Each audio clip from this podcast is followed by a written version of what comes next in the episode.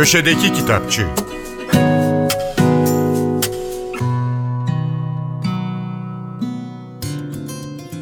Merhaba, ben Adnan Bostancıoğlu.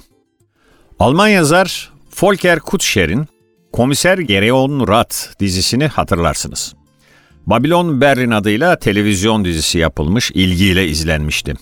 Dizinin kitapları bir zamandır iletişim yayınlarından çıkıyor. Hatırlayalım Islak Balık, Sessiz Ölüm, Goldstein, Waterland dosyası, Mart Şehitleri, Luna Park ve Marlow. Komiser Greon Rat'ın vakalarını konu alan kitaplardı. Geçtiğimiz günlerde serinin 8. romanı yayınlandı. İsmi Olimpiyat. Kitabı dilimize Gülçin Wilhelm çevirmiş. Volker Kutscher 1962 doğumlu. Alman dili ve edebiyatı, felsefe ve tarih öğrenimi gördü. Gazetecilik yaptı. İlk polisiye romanını 1995'te Christian Schnalke ile beraber yazdı. Bunu bir yine aynı yazarla ortak olmak üzere iki roman daha izledi. Tanınmasını sağlayan 2007'de çıkan Islak Balık oldu. Bu roman aynı zamanda Kutscher'in söze başlarken bahsini ettiğim başkomiser Gereon Rat'ın ilk vakasıydı. Onu diğer vakalar ya da romanlar takip etti. Son roman Olimpiyata gelirsek. Nazi rejiminin bütün dünyaya hem gösteriş yapıp hem kendini meşrulaştırmak için muazzam bir sahne olarak kurduğu 1936 Berlin Olimpiyatları sırasında Başkomiser Gereon Rat baş döndürücü entrikalarla boğuşuyor. Olimpiyat Nazi rejiminin Almanya toplumuna iyice yerleştiği bir atmosferde geçiyor. Öyle ki siyasi açıdan güvenilir bulunmayan başkomiser Rat'la eşinin elinden alınan evlatlığı da artık iyice nazileşmiştir. Başkomiser olimpiyat organizasyonunda görev alan evlatlığıyla tesadüfen karşılaştığında sadece ilişkileri yeni bir boyut kazanmayacak, olimpiyat köyünde işlenen cinayet bir dizi entrikanın perdesini aralayacaktır.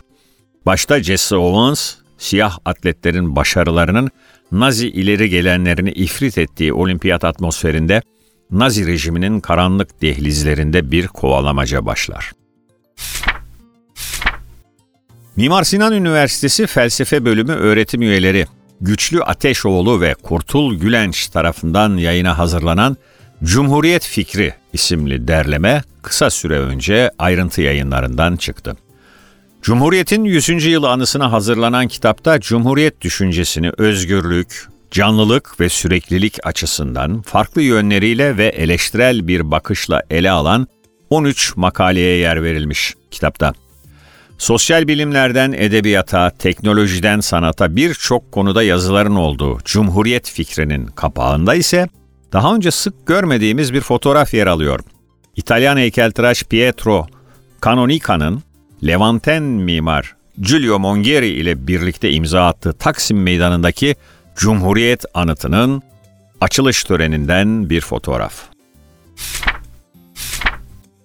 Çocuk kitapları yazarı belgeselci Bilgin Adalı'nın Hazine Dedektifleri isimli hikayesi Can Çocuk'tan yayınlandı. Hikayeyi Mert Tugen resimlemiş.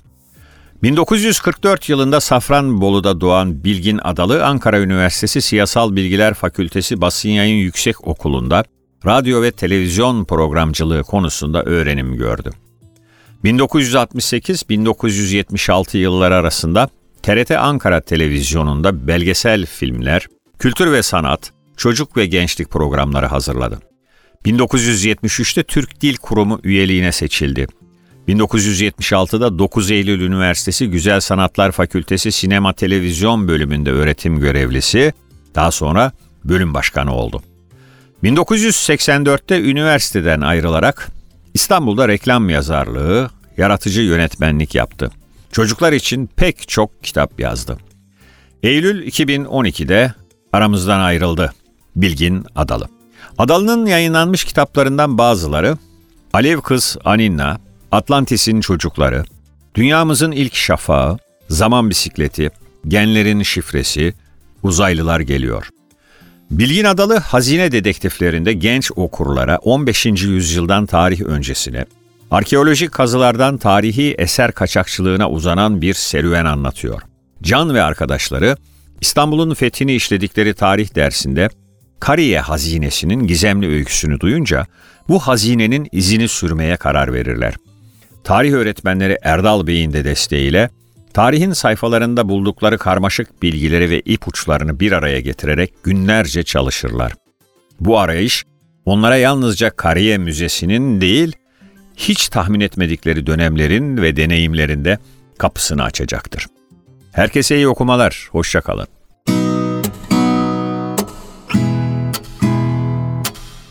Köşedeki Kitapçı